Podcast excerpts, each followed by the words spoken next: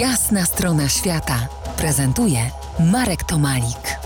Po jasnej stronie świata wspominamy Olgierda Budrewicza, który miałby 10 lutego 100 lat. Olgierd był szanowanym reportażystą, autorem wielu podróżniczych książek. Moim gościem pozostaje Grzegorz Micuła, także podróżujący dziennikarz, kiedyś poruszający się blisko orbity Budrewicza.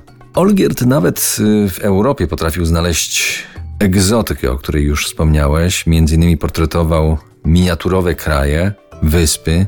A powiedz, gdzie ich szukał, gdzie, gdzie je znajdował? No więc rzeczywiście, Olgert miał takie, takie, trudno powiedzieć, że hobby, ale bardzo to lubił. Znajdował takie niecodzienne miejsca, znajdował jakieś enklawy, jakieś małe miasta. Na przykład jest takie miasteczko na granicy holendersko-belgijskiej, gdzie granica przechodzi przez y, ulice, przez domy, przez y, jadalnie na przykład jest zaznaczona i bardzo mu się to jakby y, podobało, te, te, te sytuacje. Bardzo opisywał je z lubością, można powiedzieć. Szukał tych miejsc, szukał tych, tych, tych właśnie mini państewek nie, nietypowych miejsc.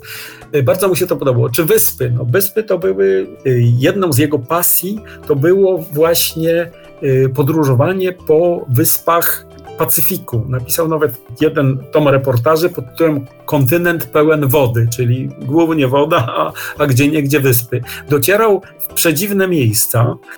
No i potem nadszedł czas na Amerykę Łacińską. Powstała książka y, Karnawał na wulkanie, to był rok 72. Panama, Wenezuela, Kolumbia, Peru, Ekwador, Dominikana to nie tylko krainy rytmów wiecznego karnawału. Latynos rodzi się z gitarą i z pistoletem maszynowym. Jak żyje? O co walczy?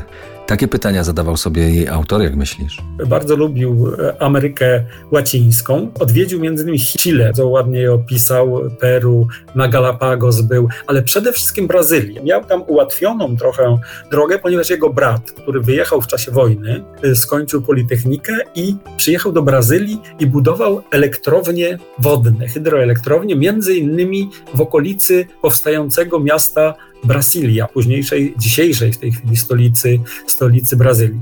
A powiedz, Między... a powiedz, a z tego okresu właśnie, lata 70., wczesne lata 70., y, spotyka się też między innymi z Ryszardem Kapucińskim. Y, oni się polubili, zaprzyjaźnili? No więc oni się przyjaźnili. Rzeczywiście mm, z Ryszardem spotykał się y, kilka razy. Najpierw to było w Afryce, w Dar es Salaam. Później, kiedy on jako przedstawiciel Polskiej Agencji Prasowej y, był przedstawicielem na Amerykę Łacińską, mówię o Kapuścińskim w Meksyku, Olgier do niego przyjeżdżał i zachowało się zdjęcie, kiedy pojechali między innymi do Wenezueli i razem jeździli, penetrowali Wenezuelę. Przyjaźnili się zarówno w Warszawie, jak i gdzieś w drodze.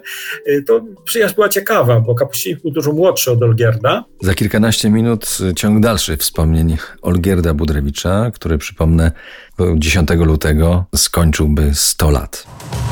To jest jasna strona świata w RMS Classic.